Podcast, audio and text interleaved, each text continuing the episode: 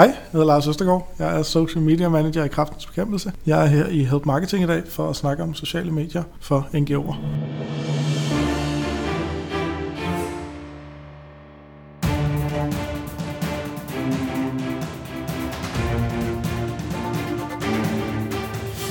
Du lytter lige nu til Help Marketing. Det er en podcast, der er lavet for dig, der arbejder med digital markedsføring, salg og ledelse, og som gerne vil opnå succes ved at hjælpe andre. Normalt er det Erik, der står og laver den her intro, Podcasten bliver lavet af ham og hans virksomhed Nokmal. I dag er det mig, Anita Lykke Clausen, der øh, står bag mikrofonen. Erik er nemlig taget på ferie, så jeg får besøg af Lars Østergaard, og vi skal snakke om kraftens bekæmpelse på sociale medier.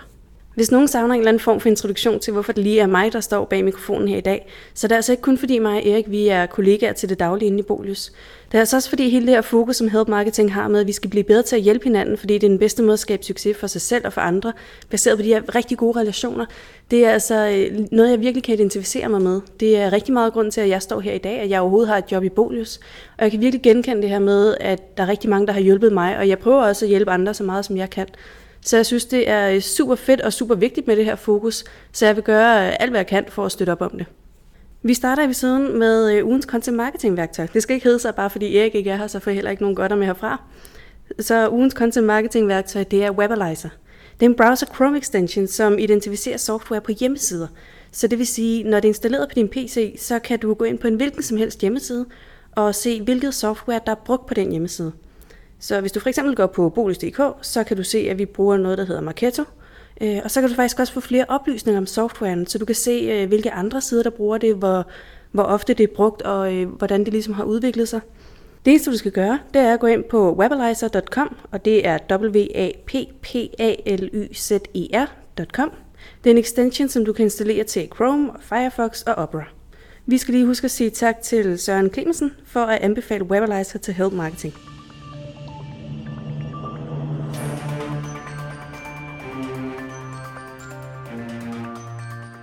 Så sidder vi klar med Lars Østergaard, der er Social Media Manager hos Kraftens Bekæmpelse. Velkommen til, Lars. Tak skal du have. Kan du ikke forklare lidt om, hvad du laver til daglig? Jo, jeg sidder som Social Media Manager hos Kraftens Bekæmpelse, og så øh, har jeg ved siden af et firma, der laver studenterkørsel, der hedder vognturen.dk, og et online magasin om København, der hedder tipkbh.dk, sammen med Mette Frølik. Det er jo mange ting, du har gang i. Øh, ja. Kan du sige tre ord om, hvad du laver inde hos øh, KB? Hvad laver man, når man er Social Media Manager i KB? Man øh, analyserer, man laver indhold, og man øh, lytter primært. Det er tre hurtige ord i hvert fald. Mm, fedt. Vi starter jo altid, vi prøver at holde den lidt ligesom øh, Erik kører den her podcast. Så kan du starte med øh, en lille historie med øh, nogen, der har hjulpet dig, eller nogen, du har hjulpet. Den her paid forward øh, historie. Jo. Altså man kan sige, at jeg har fået enormt meget ud af de forskellige netværk, jeg er med i, 30 Something og GK Talentnetværk osv. Men øh, det vil være lidt for oplagt at fortælle om. Men, så jeg kan fortælle lidt om en kvinde, der hedder Jane Sørensen, som er strategisk direktør i Kindly, Kindly tror jeg man siger, som øh, er ret god til at spare med. Jeg kan typisk smide idéer over på hende, og så kommer hun tilbage med nogle tanker, som, øh, som er baseret på hendes erfaring og hendes øh, store netværk. Så øh, hun er rigtig god til at hjælpe mig. Fedt. Og det vi skal snakke om i dag, det er selvfølgelig ja, kræftens bekæmpelse i mm. forhold til alt det, I laver på sociale medier. I har jo godt nok gang med. Det har vi. Og øh, min umiddelbare tanke var det her med, at I sidder tusind mennesker og styrer deres sociale medier. Mm. Øh, det finder vi ud af lige om lidt. Jeg kan godt tænke mig at starte sådan helt overordnet med, okay, kraftens bekæmpelse bruger en masse tid på sociale medier. Hvorfor? Altså hvad er det primære formål, hvis du skal trække en, øh, en faktor ud? Fremhæv den. Jamen altså, vi har, øh, vi har faktisk et sådan helt spektrum, øh, helt matrix af forskellige mål og forskellige formål, kan man sige. Det primære er måske oplysning omkring kraft det er information, og så er det selvfølgelig en, en del branding og nogle forskellige kampagner, vi kører. Men, øh, men information og oplysning må være de to, der ligesom springer i øjnene her. Og hvad gør I med, nu har I jo flere sider, I har både knækcancer og støtbrysterne og øh, hovedsiden, hvis man kalder den det. Mm. Hvor mange sider har I? Altså vi har, øh, vi har ligesom hovedsiden, eller fyrtårnssiden, som vi kalder den ude hos os, som er kraftens bekæmpelse. Og under den, der har vi cirka 15 kampagnesider, som, øh, som hver især sådan går ind på et formål, netop støtte brysterne, eller knækcancer, eller solkampagne, eller hvad vi nu ellers har. Øhm, så under, under det, der ligger ja, omkring 15 sider, hvis vi snakker Facebook. Mm. Så har vi også Twitter, hvor vi har på konti, vi har cirka 10 sider på, eller konto på Instagram, og vi har lidt på YouTube, og lidt på Snapchat også. Så øh, en god blanding. Okay, så hvis vi skal have dækket alle de medier, jeg er på, Facebook er klar. Facebook, Instagram, YouTube, Twitter, Snapchat, en lille bit smule Pinterest. Og det må være det. Okay. Ja. Og du sidder med dem alle sammen til daglig. Ja, sådan en god blanding, ja. Dejlig jonglørrolle at have. Ja, ikke? Hvordan beslutter I, øh, når nu I har alle de her kampagner, hvordan beslutter I, om de skal have deres egen side, eller om den bare skal trække på hovedsiden? Det er typisk en beslutning, der ligger lidt længere oppe end hos os. Øhm, Det er jo sådan, at når man laver en kampagne eller et projekt inden for kraftens bekæmpelse eller i samarbejde med os, så er det typisk øh, vurderet ud fra alle mulige faktorer. Øh, Om man skal lave en kampagne, som sætter fokus på, at man skal smøre sig ind i solcreme, så er det bestemt højere oppe, om der skal laves en kampagne om det. Og hvis den så ligesom får allokeret et budget, jamen, så skal den typisk også have sin egen side, fordi det er sådan et, et helt bestemt formål, den har. Øhm, så bruger vi typisk vores fyrtårnsside til ligesom at bringe de her kampagner videre ud og, øh, og få en, en masse reach. Men det betyder vel så også, at I har, øh, uden at gå for meget detaljer, men I har vel også nogle sider, som ligger ret roligt, hvor der ikke sker så meget i store dele af året. Ja, vi har rigtig mange sider, som faktisk er inaktive, og som kun kører i kampagneperioder. Det er rigtigt. Hvordan, hvis nu vi kigger øh, lidt mere organisationsstruktur, hvordan, har I, øh, hvordan er det bygget op? Nu har jeg jo afsløret, at I ikke er, øh, I ikke et kæmpe hold, der Nej. sidder bag de sociale medier. Hvordan har I øh, struktureret det? Jamen lige nu, der øh, er vi, sidder vi i en konstellation, som er relativt ny. Øh, vi har en head of social, Jannik Blaksmark, som kommer fra TV2, lige ansat for små to måneder siden. Og så sidder vi øh, Graciel, som er community manager, og så sidder jeg som social media manager. Og vi er en del af kommunikationsafdelingen. Det vil sige, at øh, alle kampagnesider og alle kampagneområder inde hos Kraftens Bekæmpelse har deres egne kommunikationsansatte, som selv arbejder med Facebook, øh, koordinerer med bureauer osv. Øhm, og de, dem sidder vi selvfølgelig i et tæt samspil med for at, at få det optimale ud af det. Både i, hvad angår at koordinere og ko- komme op på vores sider med noget, men også som en rådgivende part i, øh, i det her. Hvor længe har I været på sociale medier? Hvor længe har kraftens bekæmpelse brugt? Uff. Altså vi snakker, øh, nu har Bolius været der i to år, det er Mhm. alligevel ikke så længe. Øh, Jeg har sådan et indtryk af, at kraftens bekæmpelse har været der i meget længere tid. Ja, jeg har faktisk overhovedet ikke sådan specifik øh, dato eller år på, Okay, men, øhm, men vi runder snart 300.000 likes, og det gør man nok ikke på et par år. der skal nok lidt mere til måske. Men hvordan, øh, hvordan har I ligesom integreret det i organisationen, så det også så det ikke bare er social i sådan en eller anden silo, der bare passer sig selv, men så det også ligesom øh, passer ind i resten af organisationen og det andet store arbejde, I har? Mm, vi prøver så vidt muligt ligesom at forplante de gode og, for sigvis også de dårlige historier ud til, til resten af organisationen og fortælle, hvordan det går. Så vi bruger, øh, vi bruger meget tid på at lytte og øh, få input. Og vi kan jo lige så snart, der, der ligesom er en, en mindre shitstorm, eller der er nogle kommentarer omkring noget, så kan vi jo mærke det på Facebook, og så kan vi trække det ind til journalisterne, og vi kan trække det ind til resten af organisationen, som, øh, som den vej igennem kan få en masse input til nogle ting. Øhm, vi bruger det også til at trække information ind fra brugere. Øhm, Det kan være til at skrive sygdomstekster, som kan hjælpe andre, der er i samme situation. Det kan være til pårørende, øhm, hvor vi får information fra vores brugere, der fortæller om deres oplevelser og deres gode erfaringer. Så I bruger det egentlig også lige så meget til at finde ud af, hvad der egentlig rører sig ude i samfundet, så I også kan reagere på det, skulle jeg sige. Ja, bestemt. Altså en ting er, at vi, vi selvfølgelig reagerer for damage control, eller for ligesom at, at være med i samtaler, men også til at få input til de ting, som vi formidler. Okay. Og hvordan, har I, øh, hvordan bruger I det internt? Altså nu bruger vi meget energi på, at vores, øh, vi vil gerne have vores fageksperter bruger sociale medier på den ene og den anden måde, både for at profilere dem, men egentlig også bare for, at- for at fordele al den viden, vi har. Har I også, øh, aktiverer I også på den måde den enkelte medarbejder? Det er ikke noget, som er blevet gjort særlig meget indtil videre, men øhm, lige nu er vi i gang med sådan en kæmpe strategiproces i hele kraftens bekæmpelse, og der er et af områderne ligesom øh, Twitter blandt andet, øh, og vores fageksperter, fordi vi har nogle sindssygt dygtige folk. Nogle, der har arbejdet med kraft i 100 år, og rygeeksperter, og jeg ved ikke hvad, som, øh, som har rigtig meget at sige. Men de skal ligesom også lige lære at komme ind på de her medier, så ude i fremtiden, der ligger et eller andet Twitter-kursus og venter til dem, som de skal i gang med. Mm. Det handler, tænker også på, fordi man har jo altid alle de her kloge mennesker, og det giver jo en eller anden form for autoritet, og det er jo bare, altså virksomheden skal jo bare ud med den viden på en eller anden måde, og det fungerer jo bare bedst, når det er mennesker, man snakker med, ikke? Helt enig. Altså vores problem, eller det er ikke et problem, det er en, en mulighed, det er, at vi har jo en kæmpe forskerafdeling. Det er der ikke særlig mange, der ved. Vi har faktisk 200 forskere på Østerbro, øh, som er i verdensklasse. Og en forsker er, øh, sådan helt generelt typisk billede, ikke særlig god til at formidle viden til folk, der ikke er i samme verden. Og der ligger en kæmpe opgave i at formidle deres viden ud til dig og mig. Så øh, det er også en af de hurdles, vi ligesom har, om vi skal overvinde på et eller andet tidspunkt og få, få sagt, hvad vi kan. Så er det forskere, I deler hus med? Altså de er også, I sidder samme sted? De er en del af kraftens bekæmpelse. De sidder to etager over mig. Okay. Øhm, folk fra hele verden. 20 Så de er forskellige lande. egentlig øh, tilgængelige for dig hver dag? Det er det, ja. Jeg kan ringe til dem, gå op til dem, øh, mail til dem. Okay. Og hvor tit gør du det?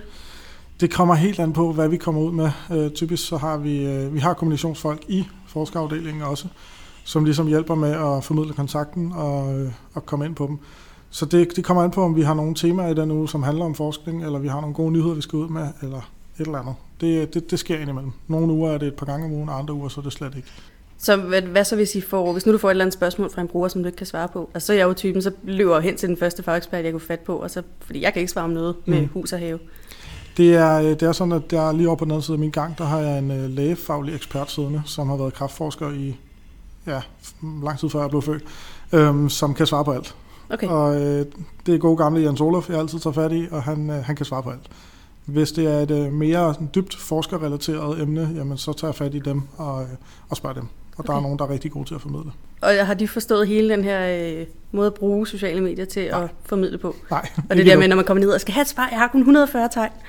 Det har de ikke endnu. Det, øh, det er sådan noget, vi arbejder på at, at få dem til at forstå, men samtidig skal vi også passe på, at det ikke er noget, vi putter ned over hovedet på dem, fordi de har et, et formål, og det er at forske. Ja. Så vi skal lære at trække den viden ud af dem, vi har brug for, uden at de selv føler sig belastet. Det, er også, øh, det har været en af mine store hurdles af Bolius, at man vil gerne, øh, men altså, de skal forstå, at øh, sociale medier, de skal have svaret nu, og nej, jeg kan ikke vente til i morgen, og øh, jeg har kun 140 tegn, og det ene og det andet, Ja. uden at det virker som øh, en pestilens at komme, øh, hver gang de ser mig komme rendende. Lige præcis. Øh, så det er altid sådan en øh, balancegang. Ja, det er også, øh, udover at, at lære dem at formidle, så handler det også om at lave interne relationer i huset, og det er noget, vi arbejder rigtig meget på. At blive set og øh, få sagt hej og sådan noget helt simple ting, Mm. som gør, at man egentlig får de her relationer, som gør det langt nemmere og meget mere, ja, langt nemmere og meget mere troværdigt den anden vej, at man, man griber knoglen, eller man går op til dem, og så kan de huske en. Det, det letter processen ret meget. Og næste skridt, tænker jeg, bliver vel så det her med at sige, vi bruger en masse tid på sociale medier, men det kan også hjælpe dig som fagekspert på en eller anden måde. Ja, lige præcis. Det er, sådan, det, det er jo drømmescenariet i sidste ende, at vi har alle forskere på Twitter, der deltager i alle debatter og bare kommer ud med deres Ja. viden. Åh, det ville være super fedt, men, øh, men det er svært, når de sidder og bruger tre år på at lave en, artikel til et tidsskrift og udkommer med den, og så er det deres resultat. Vi vil gerne have dem til at formidle hele processen, men øh, hvornår det kan lade sig gøre, det, det kommer nok til at tage lidt tid. Ja, og så er det også bare en komplet modsætning, at hvis de plejer at have tre år til en artikel, nu har de tre minutter til Lige at svare, ikke? Ja. Så øh, De tænker meget komplekst og tænker rigtig meget over tingene, og det er ikke altid, man skal det på sociale medier. hvordan med... Øh, nu er jeg ikke kun, har lyst til at sige, tre, øh, der sidder i social kraftens så jeg siger kun, fordi I er så store, I fylder så meget, Mm. øh, og I er rigtig gode til at rykke på tingene, synes jeg. Hvordan er det fordelt i forhold til, der er altid det her med budgetter i organisationer og prioritering af indsatser. Mm. Øh, hvordan, øh, hvad har I af budgetter, hvad har I at gøre godt med? I er jo stadig NGO, så I har jo ikke, forestiller mig, milliarder at gøre godt med. Nej, altså øh, som sådan helt af natur af danskens natur, jamen, så er de meget kritiske over for, hvad vi bruger penge på. Og det er jo klart, for vi er en øh, medlemsorganisation, og vi får kun 4% af vores penge fra staten. Resten er bidrag fra, fra private og erhverv. Så vi skal selvfølgelig passe på med, hvor vi bruger pengene, og bruge dem, hvor de bliver, bliver brugt bedst. Øhm, men det er sådan, at, øh, at vi som sådan som kommunikationsafdeling ikke har et kæmpestort budget. Det, de store budgetter, rent kommunikationsvejs, ligger ude i afdelingerne øhm, hos de forskellige kampagner. Det, det er der, de, sådan, de store kommunikationsbudgetter ligger. Øh, selvfølgelig har vi budgetter til at lave ting, men på fyrtårnssiden, der arbejder vi typisk med organiske posts. Øhm, som udgangspunkt i hvert fald. Mm. Ja. Ja, fordi I har vel også, øh, jeg har jo alligevel en del sponsoreret, tænker jeg. Men pengene skal også altid komme et sted fra. Ja, altså det er meget sjældent, vi kører sponsoreret ud fra vores egen fyrtårnsside. Øhm, der er meget sjældent penge, der bliver brugt på det, og de ligger typisk hos, øh, hos kampagnerne. Okay. Og hvor meget, øh, fordi jeg tænker altid sådan noget med in-house, og øh, altså klare det hele i organisationen, det er altid, øh, ikke altid, men øh, ofte billigere i hvert fald for, for budgettet. Ikke altid, man har tid og ressourcer til det, Mm. men øh, hvordan har I ligesom den balance med, hvad I kan klare selv, og hvor meget I bliver nødt til at outsource? Vi, øh, som det er lige nu, så er det øh, de forskellige øh, kampagneafdelinger, der sidder med deres egne budgetter, og de hyrer typisk øh, byråer ind. Vi har ikke nogen grafikere ansat sådan dedikeret til huset. Der er måske nogen i de forskellige afdelinger. Men det er en af de ting, vi blandt andet arbejder med, at, at balancen mellem outsourcing og in-house arbejde skal være lidt anderledes, end der, den er nu. Fordi der er, jo, der er fordele og ulemper ved begge ting. Man kan sige, det er dejligt at have en, en in-house designafdeling, der kan sidde og lave alt muligt lækkert til os med det samme. Men når vi har så mange forskellige kampagner, sådan en kæmpe spektrum af kampagner, så skal der også være en vis diversitet imellem det. Og det er svært at få den samme diversitet ved at have en afdeling, som hvis du bruger 30 forskellige bureauer. Så rigtig mange penge, de rører faktisk ud i bureauer for at få nogle forskellige indtryk. Så nu siger du, at I ikke har nogen øh, grafikere, så det vil sige, at alt det materiale, I laver øh, på hovedsiden, det er faktisk jer selv? Det er faktisk primært mig, ja. Så er det meget godt gået, at I kan holde udtrykket så ens. Øh, fordi jeg har jo ikke, altså jeg har personligt ikke kunne se et skifte fra, altså rent grafisk, fra da du startede, eller før du var der. Vi... Så der er meget god snor i det udtryk, det visuelle udtryk, tænker jeg. Ja, altså vi, vi, vi prøver så vidt muligt at holde det rimelig clean og rimelig simpelt. Øhm, også fordi, at jeg ikke er uddannet grafiker. Men, øh, men sidder ligesom og, og gør det bedste, jeg kan. Og så kommer der selvfølgelig også nogle andre, som kommer med noget indhold. Og nogle, øh, nogle kampagner, der sender noget indhold op til os. Så, så det er sådan en god blanding af eget produceret og byråer og andre afdelinger og sådan lidt af hvert. Mm. Men så har du også, øh, altså hvis du både skal lave indhold, og du skal smide det ud, og du skal også have lagt noget strategi, og du skal lege med nogle kopier, mm. og du skal også udvikle på nogle ting, og der er sikkert også nogle kampagner. Altså er der ikke, hvorvidt spænder din rolle, og hvordan holder du øh, ligesom styr på tingene, skal jeg til at sige? Øh, jamen altså, rollen er ret bred. Det passer mig helt perfekt. For jeg vil, øh, jeg vil hurtigt blive træt, hvis jeg skulle sidde kun og lave, øh, kun at lave indhold, eller kun at lave community management, eller lignende. Så det er sådan lidt øh, at gribe de bolde, der kommer flyvende, og så, øh, så prøve at holde alt, øh, alt i luften så godt som muligt. Mm. Men I har vel også I har en masse journalister i huset, ikke? Det har vi jo. Som sidder og producerer en masse indhold. Vi har et øh, rigtig godt journalistteam, som sidder og laver historier inden for altså helt øh, poppede forebyggelsesting til meget dybe forskerartikler. Og det skal vi ligesom øh, prøve at vurdere og, og pille ud og tage det, som vi mener kan bruges på social på en eller anden måde. Ja. Om det så er et, øh, en linkpost, eller om det er en grafik, vi laver på det, eller vi skal have en lille videobid, eller hvad vi skal. Det er ligesom op til os at vurdere og, øh, og egentlig også producere. Okay, så hvis I skal øh, til at redigere noget video, eller have en video, så skal det faktisk være jer selv, der laver det? Det skal være os selv, eller også skal vi have nogen indover, øh, som lærer det for os. Okay ret imponerende. Jeg prøver selv i Bolius at være øh, lidt op, at være lidt stadig og sige, jeg producerer ikke noget, men jeg er så også den eneste medarbejder i Bolius, der ikke producerer noget. Jeg skal egentlig bare have det ud af alle de sociale platforme, vi har. Ja. Øh, så jeg prøver sådan, altså selvfølgelig så laver jeg også grafik og alle de der ting, men jeg prøver at være lidt stadig med, nej, jeg redigerer ikke dine videoer, nej, jeg lægger ikke undertekster på, fordi lige snart man begynder at sige, jamen jeg kan det godt, jamen jeg kan også godt lige skrive den artikel, jeg kan godt lige ændre de der ting i, i backend og alle de der ting, så, altså, så lærer folk også bare, om det, det klarer Anita, og så skal vi smide mere over sin. Ja, det... Og godt, lidt den der tanke med, det må du også have, at der er altså, kæmpe hold forskere og journalister bag dig, som producerer en masse indhold, og det skal også ud. Mm-hmm. Altså, nu er ikke noget, alle sidder og producerer. Nej, altså øh, vi har jo vi har en eller anden gatekeeper-rolle, og ligesom skal til at vælge, jamen er den her artikel en, som er Facebook-agtig, eller er den LinkedIn-agtig, eller er den Instagram-agtig, eller hvor passer den ind? Eller passer den overhovedet på social? Det er jo heller ikke sikkert. Mm. Øh, og så er det også op til os at vurdere, hvilken type indhold det ligesom skal udkomme på eller med. Og udover det, så øh, når du snakker op og producerer for andre osv., så, så har vi også en rådgivende rolle, når vi sidder i en kommunikationsafdeling, som ligger, øh, uden at det skal lyde slemt på nogen måde, så ligger den jo lidt over alle andre afdelinger i huset, øh, på den måde, at vi ikke har et bestemt område. Vi arbejder inden for mange områder. Så vi har en rådgivende rolle over for dem i forhold til at hjælpe dem med at lægge tekster på en video, eller vise dem, hvordan man lægger tekster på en video eller rådgive dem i forhold til, om en kampagne de skal lave, eller en konkurrence på social, eller hvad de skal. Så der er, der er lidt flere elementer i det, end, end man ser i en almindelig social media afdeling, i hvert fald mm. i forhold til, hvad jeg tror. Nu siger du det her med uh, gatekeeper. Mm. Hvordan bliver det taget imod, når du kommer og siger, ja, det kan godt være, at den artikel er vældig fin, men nej, den skal ikke på Facebook? Det, øh, nu, kan, nu er jeg jo stadig relativt ny, fire måneder i KB, og, øh, og det kan være lidt svært at stille sig op foran en, øh, en journalist, der har været i gamet rigtig mange år og sige, den der, den dur altså ikke. Men så skal man bare huske, at argumentationen skal være i orden, og, øh, og vi gør det jo ikke, fordi vi er onde. Vi gør det, fordi vi vurderer, at den ikke passer på social. Mm. Dermed så skal det så også siges, at de, de, ligesom, de artikler, der bliver skrevet, er ikke skrevet til social. De bliver skrevet til vores web, eller til øh, Berlingske, eller nogle af de andre store nyhedsmedier. Mm.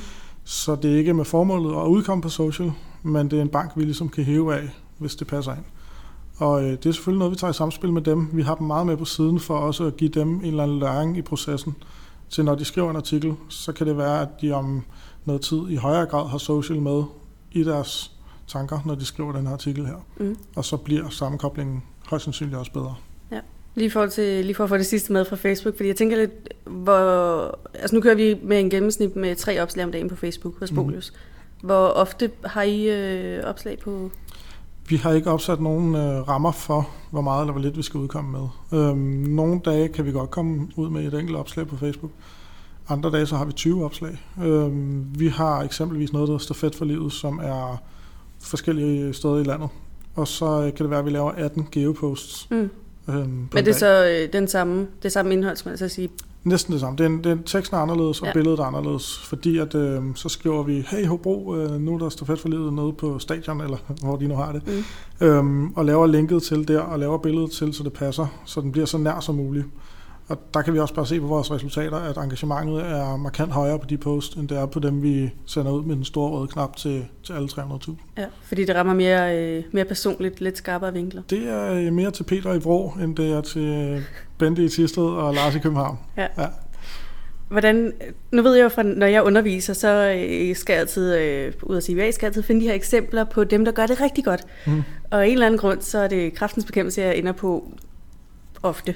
Det er kun glade for. og især i kommentarfeltet, men alligevel kan man jo godt se, når man kommer op i sådan en størrelse med øh, spis og kraftens bekæmpelse, så får I så meget, så mange inputs, så mange kommentarer Mm. på jeres opslag, og det er nærmest lige meget, hvad I smider op, at det kan jo, det er umuligt for jer at følge med, og specielt når I kun er tre mennesker.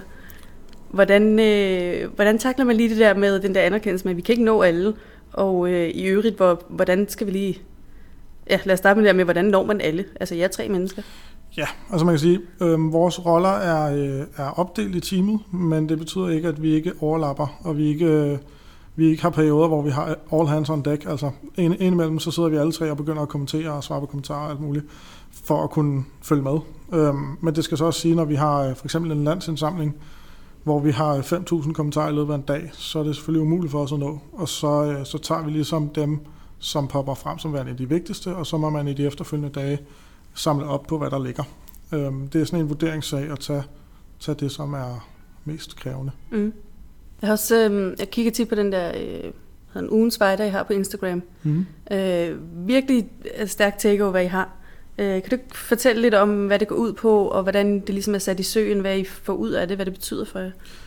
Jo, altså man kan sige, vi, vi prøver at komme ind på, øh, altså vi har en stor følgerskare af primært patienter og pårørende.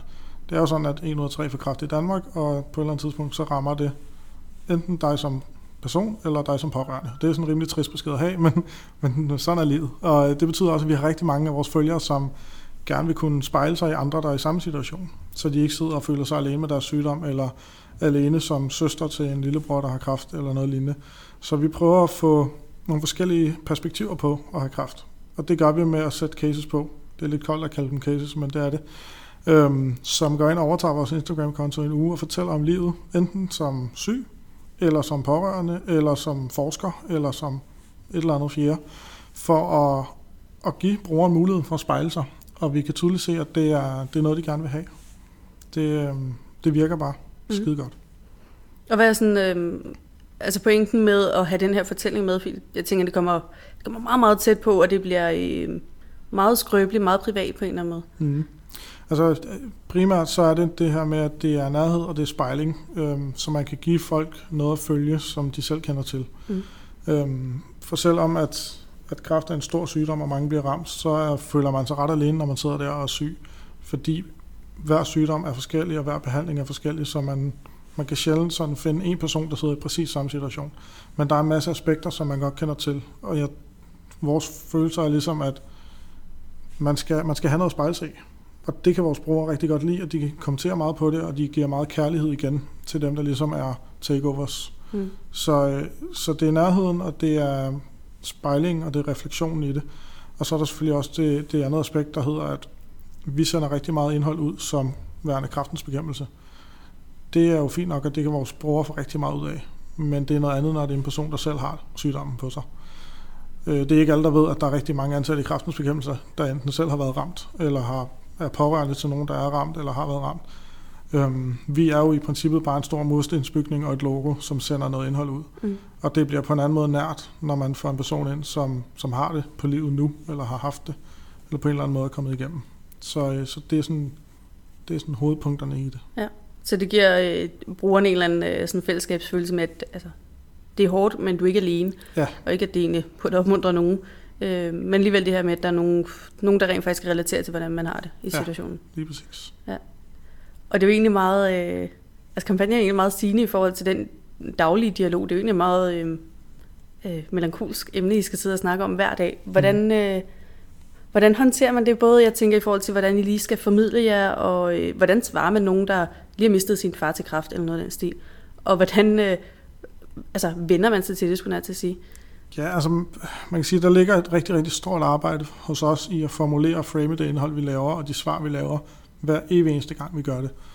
Vi har, øh, vi har over en million følgere på tværs af kanaler, og, øh, og, og hver en skal have den samme behandling. Hver en skal have det samme svar, øh, eller i hvert fald samme nærhed i svaret, øh, fordi det netop er sindssygt følsomt emne, vi, vi sidder og har, har med at gøre.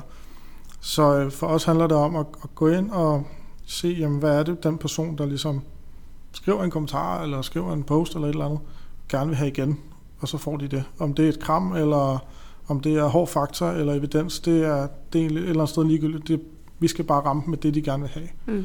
Og øhm, nogen har brug for det ene, og nogen har brug for det andet, og det er en vurderingssag fra gang til gang, og det kræver lidt ekstra, end, øh, end bare at sende et link. Det, øh, der kommer en del hjerter afsted hos os, og det er, det er en del kærlighed, vi skal give ud, og derfor så involverer vi os også måske lidt mere øh, personligt følsomt, end så mange andre gør, som sidder og skriver på Facebook. Og hvordan finder man lige ud af, om den enkelte har brug for den ene eller den anden formidling? Ja, det er, øh, det er en eller anden afkodning af den, den kommentar, der ligesom kommer. Øh, man kan sige, Bjarne på 70 og, øh, og Siri på 17, de kan i princippet godt skrive den samme kommentar, men når man kan se personen på profilbilledet og se navnet og se, hvor det kommer fra, så kan man også godt hurtigt afkode præcis, hvad det er for et svar, de gerne vil have. Øhm, og så prøver vi ligesom at give så godt vi kan det svar, som de leder efter, eller i hvert fald øh, det svar, som vil gøre dem tilfredse hver gang. Og hvordan, øh, nu er du stadig relativt ny, så hvordan har det været den her omstilling med at skulle snakke om noget, så, øh, ja, som egentlig handler om liv og død hver dag? Det Altså for kan, os andre tænker, der er det jo nemt nok at sådan, ja, det er bare afstand, det kan jeg at tænke på lige nu, men så behøver jeg ikke tænke på det resten af dagen, fordi Mm. mm. så har jeg noget med hus og have i stedet for. det kan være ret hårdt, og øh, jeg vil også sige, at øh, der er selvfølgelig en masse, der kommenterer, og så får de et svar, og så ser vi dem aldrig igen, men der er også nogen, som er genganger, og øh, især i ugens fighter har vi rigtig meget kontakt til ugens fighter, den der ligesom overtager, og øh, det kan godt være personligt ret hårdt, men på den anden side, så giver, så giver det lige så meget igen den anden vej. Vi har historier, hvor, at, øh, hvor ugens fighter simpelthen ikke overlever, og det er sindssygt hårdt at sidde med, fordi at man bliver personligt involveret. Men på den anden side, så har vi også øh, Christian på 20 år, der lige blev student i går og fik hue på og det hele, og skal i sin sidste behandling og bliver rask. Og det er også lige så, lige så givende den anden vej, så, øh, så det opvejer lidt. Men det kan være hårdt, og der er inde hos os, at der er virkelig stærkt sammenhold. Og der er plads til at græde ud, hvis man har lyst til det, og brug for det, men der er også plads til at dele glæderne. Og det gør vi rigtig meget. Vi deler rigtig meget af det indhold, som kommer fra den ene eller den anden kant. Øhm, om det så er fra Jytte, der sidder inde på vores magasin, der hedder Tæt på Kraft, og har en god historie om en eller anden, eller at jeg sidder og har en god historie om Christian. Øhm, vi, vi sidder ligesom og deler alt det indhold, der er, om det så er godt og skidt, og så, øh, så er der plads til det. Der er plads til at have det skidt, og der er plads til at have det godt. Mm. Og det tror jeg er ret vigtigt i en, i en NGO. Altså, nu tænker jeg, at ugens fight er jo bare et eksempel på noget, som, altså, hvor man virkelig kan spejle sig i, altså det tilhører kraftens bekæmpelse, det er rimelig genkendeligt. Mm. Øh, vi har snakket om jeres sådan, øh, det visuelle formidling, øh, og den her, øh, altså jeg tænker, I kan alligevel noget med den her formidling og snakke om det her emne, som udefrakommende ikke lige umiddelbart kan i samme, i samme stil. Mm. Så når nu I kører alle de her, jeg har jo en masse kampagner, øh, hvordan bevarer I ligesom jer i den her proces? Det er, ja, det er sgu et godt spørgsmål. Vi nu har, tænker jeg øh, primært med, når nu I laver knækcancer med det TV2, mm. Men, øh, der har de jo også, altså der har I begge to en dagsorden som de to samarbejdspartnere. Ja, det er klart. Altså, vi kan sige, at øh, vi har jo helt hårdt øh, mål, og det hedder penge. Fordi de penge kan vi bruge til at forske, og mm. vi kan bruge til at oplyse osv. TV2 har selvfølgelig en anden dagsorden, og det er lidt at læne sig op af et, et fint brand og øh, lave en fed produktion. Og vi, vi forsøger ligesom at... Nu, nu handler det hele om kraft, og der er kraftens bekæmpelse de, stør, de største i Danmark, og dem, der ved mest om det. Men lige præcis knækcancer er blevet meget større end TV2 og meget større end kraftens bekæmpelse. Det er blevet sådan en dansker sag. Øh, seneste måling viste 93% kendskabsgrad i Danmark. Det er meget større, end vi nogensinde kan, altså selv kan, kan styre. Og knækcancer er en, en uge om året, men det man ikke ser er alle dem, som ligesom laver noget hele året rundt. Der er mm. nogen, der samler flasker ind, der er nogen, der hækler puder, og der er nogen, der løber et løb og samler penge ind hele året rundt. Så det er blevet mere en, en folkesag, end det er blevet en, et, et brand for, for TV2 og kraftens bekæmpelse. Så vi prøver ligesom at, at gribe de bolde, vi kan, og prøve at styre det i de retninger, som er, som er bedst. Mm. Men det er lidt ud af vores hænder egentlig, hvor det rører hen endnu. Ja. Øhm. Og så vil også lidt, øh, I vil lidt det lille hold, eller ja, skulle jeg til at sige, fordi jeg tænker, at TV2 har jo, har jo en masse mennesker ind over den her produktion, og I er jo, hvis I er tre for social, så er det nok ikke alle tre, der kommer med ud til alle møderne, fordi der er også noget derhjemme, der skal styres. Nej, altså det er faktisk sådan hos os, at vi har delt det lidt op. Så øh, lige social, hvad det angår, så er det øh, mig, der er primær på det fra vores side. Vi har så også en, øh, en fundraising-afdeling, der sidder også et par stykker, som er med til møderne, øh, lige hvad angår social. Øh, så har vi selvfølgelig et hold af journalister og pressefolk og diverse forskellige, der, der hjælper med historierne og mm. indholdet til ligesom at, at vise på tv og fortælle historierne. Så, øh, så vi er et stort hold, men vi er ikke et stort social hold. Og øh, det er selvfølgelig en, altså det kan være en udfordring til tider, fordi at der er så store organisationsforskelle på, på KB og på TV2. Og det, øh, det er jo selvfølgelig bare noget, man løser. bare noget, man løser. Ja. Men det er vel... Øh, jeg tænker også stort skifte fra... Nu startede du KB, så havde du lige nogle måneder, og så blev du kastet ind i alle de her øh, partner øh, møder, skulle jeg at sige. Mm-hmm. Øh, har det ikke været lidt... Øh, lige pludselig skal du ligesom være øh, vagthund for kraftens bekæmpelse? Jo, altså det, er, øh, det kan godt være lidt frygtindgydende, når man sidder som en relativt nyuddannet i et rum med 20 mennesker, der har arbejdet i branchen i 100 år, og man tænker i starten, de ved bedst, men det er ikke altid nødvendigvis, de gør det. Øhm, de er ret hurtige til at inddrage ind i processer, og, øh, og, og der, jeg kan i hvert fald ikke mærke som nyuddannet, at, at jeg ikke bliver taget seriøst eller noget. Tværtimod, altså, øh, de, er, de er rigtig glade for, for min input, og for de input, som, som kommer rundt omkring, også fra KB.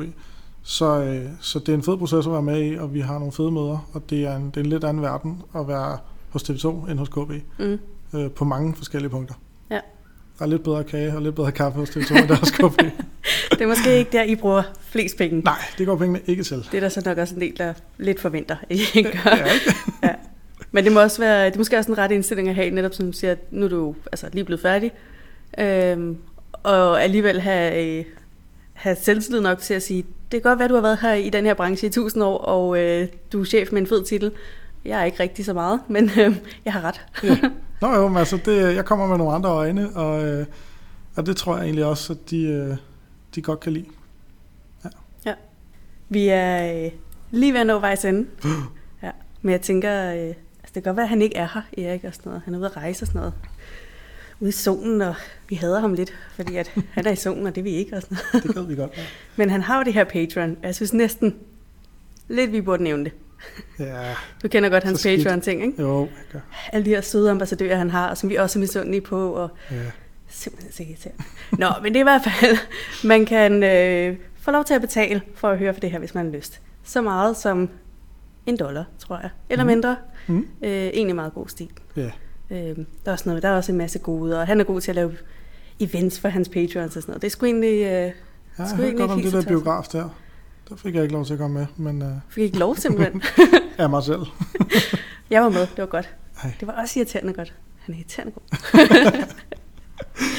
jeg tror snart, han har lavet en øh, ny side, som hedder nokmal.dk øh, støtte. Så kan man øh, lige gå ind og tage stilling til det. Mm. Det er sgu meget god, det synes jeg, man skal meget god stil lige at hjælpe, når nu han for os til at sidde her og arbejde for ham egentlig. Ja. Det er egentlig, uh, I kan også bare overføre til os på MobilePay. Eller kraftens bekæmpelse, hvis det er. ja, faktisk en god idé. Ja. Det kan godt være, at du gerne vil give en dollar til uh, Erik, men smid mig til kraftens bekæmpelse ja. i stedet for. Bare lige i dag. Det vil være god stil. Så næste uge, så smider du dem til Patreon. Ja. Vi skal lige have noget uh, kort opsummering. Vi har været alt fra organisation til kampagner til uh, struktur til strategi igennem. Mm. Øh, vi kunne snakke meget mere. Vi har slet ikke fået kopier og tal og data. Og... Overhovedet ikke. Vi laver en, en part 2. Ja, det gør vi. Vi sender ikke på ferie igen. Så vi en part 2. Send så mange Patreons penge ind I kan, så vi kan sende dem på ferie igen. Så laver vi en part 2. Ja, så får I part 2 med alle de hemmelige data og spændende præcis. indsigter, kopier. Åh, oh, jeg kan mærke, det bliver godt. Ja. hvis vi lige skal have sådan en øh, oprunding. Hvis du har øh, tre, øh, tre fifs, tre ting, vi skal have med os fra KB. Ja, jeg vil sige, at... Øh, en ting, som jeg øh, relativt hurtigt lærte, jeg var på seminar to dage efter, jeg var startet, tror jeg. Og der fik vi, øh, fik vi den her frase, der hedder psykologiske kontrakter. Og det er øh, nogle, nogle, nogle kontrakter, som man egentlig indgår uden at skrive under på dem med brugerne. Det er en eller anden forestilling, de har om, hvordan vi burde reagere på nogle ting. Så hvis en bruger reagerer negativt på et eller andet indhold, du har lagt op, så handler det om at sætte sig i deres sted og finde ud af, hvad er det, der gør, at de reagerer negativt på det. For så kan du begynde at svare i den rigtige retning og frame dit spørgsmål og lære til det næste indhold, du lærer. Øhm, det, det, det, er sådan en, det er sådan en ting, som jeg har brugt rigtig, rigtig meget for ligesom at vurdere, hvorfor er det, at du skriver lige præcis, som du gør. Og det tror jeg, man kan tage med og bruge på, øh, på rigtig mange forskellige lederkanter til, til community mm. management. Mm. Og øhm, så er der selvfølgelig det her skifte her fra, fra lille virksomhed. Nu har jeg ved siden af min studie haft en masse små virksomheder, og der har det altid været nemt at lave indhold og bare skubbe det ud, fordi der var ikke så mange, der skulle være med til at bestemme. Øhm, til gengæld så skulle man også selv lave alt indholdet. Så, øh, så det, jeg har lært ved at komme hen i en stor virksomhed, er, hvor sindssygt vigtigt det er med interne relationer. Der er relationer på kryds og tværs, og hele arbejdet bliver bare meget nemmere, hvis man på en eller anden måde kan skabe interne relationer. Så, øh, så mit råd er, hvis du kommer ind i en stor organisation, er bare at komme ud over rampen. Snak med folk og vær ikke, vær ikke tilbageholdende. Det, øh, det vil jeg klart anbefale. Mm. Og så en ting, som jeg, som jeg lavede mærke til i dag. Vi har vi lavet et par opslag de sidste par dage på, øh, på KB. Og det ene, det var et billede med et link, som fik 2.000 reactions, mere end 300 kommentarer over 700 delinger. Øhm, dagen før, der lavede vi en video, som havde 660 reactions, 35 kommentarer og 41, 81 delinger. Og så skulle man ligesom tro, at billedet det fik det højeste reach, og bare stak ud af. Men videoen havde 20% højere reach end, øh, end billedet. Så øh, det er sådan en ret god learning, stille og roligt. Brug video, for det fungerer stadigvæk. Facebook booster det stadigvæk deres øh, algoritme. Ja. Så det er et tip fra mig til dig. Fedt. Især nummer to kan jeg virkelig godt genkende det her med, vi kan sagtens storme derud af, fra, altså os der sidder i social, og øh, bare har jeg hatten på og løbe fra de andre. Mm. Men det virker bare ingenting, hvis du ikke ligesom får øh, in, øh, organisationen med internt og øh, arbejder med det også. Lige præcis. Fedt. Gode tips. Ja. Jeg er så glad for, at du vil være med, så jeg ikke skulle sidde her og snakke med mig selv. det kunne godt blive lidt øh, meget ananas. Ja. ja. Og så, øh, så arbejder jeg lige på det der med at sende Erik på ferie igen. Gør så, øh, så, så vi kan lave en part to. Så laver vi en to. Ja, det gør vi. Tak fordi du var med. Selv tak. Tusind tak til Lars Østergaard for at være med i den her episode, som var min første podcast, jeg skulle lave helt alene. Hvis du vil følge ham, så øh, fang ham på Twitter. Hans øh, handle hedder Lars J3. Øh, hvis du vil fange mig, så er det Anita XCBH. Næste uge får jeg besøg af Kasper Valgren og Josefine Am.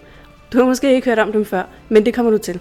Det er to meget unge spillere i, i branchen, meget ligesom mig. De, vi står alle sammen og er i begyndelsen af vores karriere og skal til at ud på arbejdsmarkedet, så det vi skal snakke om, det er den næste generation på arbejdsmarkedet.